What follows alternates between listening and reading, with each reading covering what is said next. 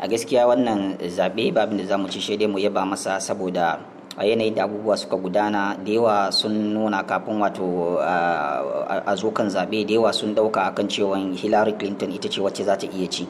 To tun da dai yanzu ya zama cewa donald trump ne wato mutane da yawa kenan an zuba musu ƙasa a ido. To amma wannan abu ne da ya kamata ya nuna mana cewa lallai demokuraɗiyya na ƙasan amurka tana ci gaba.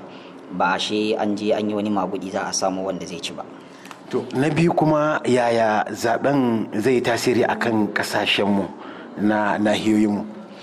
Eh mun san cewa mafi yawancin ƙasashen afirka da yawa daga cikin shugabanninmu suna nan wato tun tsawon shekaru da yawa. Don haka wannan yana nuna mana cewa mun isa mu yi koyi da wannan domin wurin wato canja mutane masu jagorancin ƙasashe wato shugabannin kasashenmu suna iya su yi koyi da wannan wato abin da ya faru a amurka. Barack obama ya yi shekara takwas ya zo ya dakatar kuma bai nemi ya zarce ba.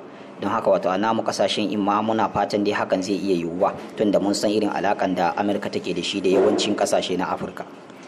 To daga ƙarshe wani tasiri ne zai yi a cikin ƙasashenmu da muke ciki kamar ƙasar kamaru? Yanzu ka san shugaba biya ya kwashe shekaru 34 yana mulkar ƙasar kuma yanzu ma ana ganin kamar zai tazarce na shekaru bakwai. To ya kake ganin wannan al'amari? A wannan tazarcin ba za mu ci zai kawo wani matsala cikin wato zamantakewa ko ce alaka tsakanin kamaru da amurka ba. Saboda shi donald trump mutum ne da tun da farko ya nuna cewa ba ruwansa da wa'yansu. Shi dai zai yi da wa'inda su ma suke neman sa da aiki. Don haka bai zai nemi wato ya nuna ƙarfi na amurka wurin kada shugaba biya ba.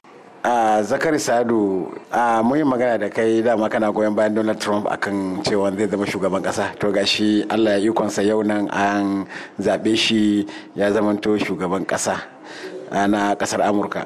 To me ra'ayinka kan sakamakon zaɓen da aka bayar a yau ɗin nan? Madalla malawal gaskiya yau nan na farin ciki da gaske saboda sakamakon zaɓen da aka bayar. Donald trump yadda muka tattauna wancan karin ce maka donald trump zai lashe wannan zaɓen ya kuma ce wannan zaɓen ba tare da wani tashi hankali ba tare da wani damuwa ba. Duk maganganu da aka dinga yi bisa kan wannan mutum tsoge shi da aka dinga yi nan dukkanin ya sha ruwa. Yau donald trump ya ci zaɓe ƙasar amurka. Yaya zaɓen zai yi tasiri akan ƙasashen wani nahiyar afirka? Wato me za mu koya kenan mu 'yan ƙasashen nahiyar afirka? Eh ina abu da yawa wanda za mu koya saboda kawo canji akan wato za mu ce siyasar nahiyar afirka ta farko saboda zaɓen trump a wato faɗin ƙasa na da mahimmanci musamman ƙasashen afirka wanda babu demokuraɗiyya na kirki wanda aka ce maka tabbas ga demokuraɗiyya nan babu. Ka ƙasar amurka su sun taka ragonin su ba yau ba kusan fiye da shekara 200 suke ainihin wato kawo demokradiyya a wato a ƙasar su yau donald trump zuwan shi mulki gaskiya nahiyar afirka dole su buɗe ido su tabbatar da cewa lallai za a iya canja siyasa a ƙasa. To a daga ƙarshe wani tasiri ne kaga zai yi akan kasashenmu na nahiyar afirka? Wato alaƙa tsakaninmu da ƙasan amurka cin donald trump nan da yi. Alaƙoƙi na da yawa da farko matsalar muke fuskanta mu za mu ce baƙaƙe a nan nahiyar afirka kamar na baƙin hore da shauransu yaƙi-yaƙin da ake yi musamman kamar ƙasar libya wanda suke cikin tashin hankali wanda san cewa faransa ne ta take aikatan wannan mummunan aiki. Da kamar kamaru wadda shi kanshi shugaban ƙasa zai ɗaukan wato misali da irin wannan zaɓen da aka yi. Shi kanshi ya kamata ya tunani san cewa lalle ya kamata ya bar mulkin saboda gaskiya an gaji. Da ganin shugaba ɗaya kusan shekara 34 yawancin su suna nan ba shi kadai ba ne.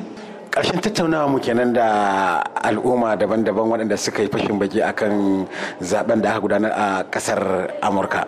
Muhammad awal garba muryan amurka daga ƙasar kamaru.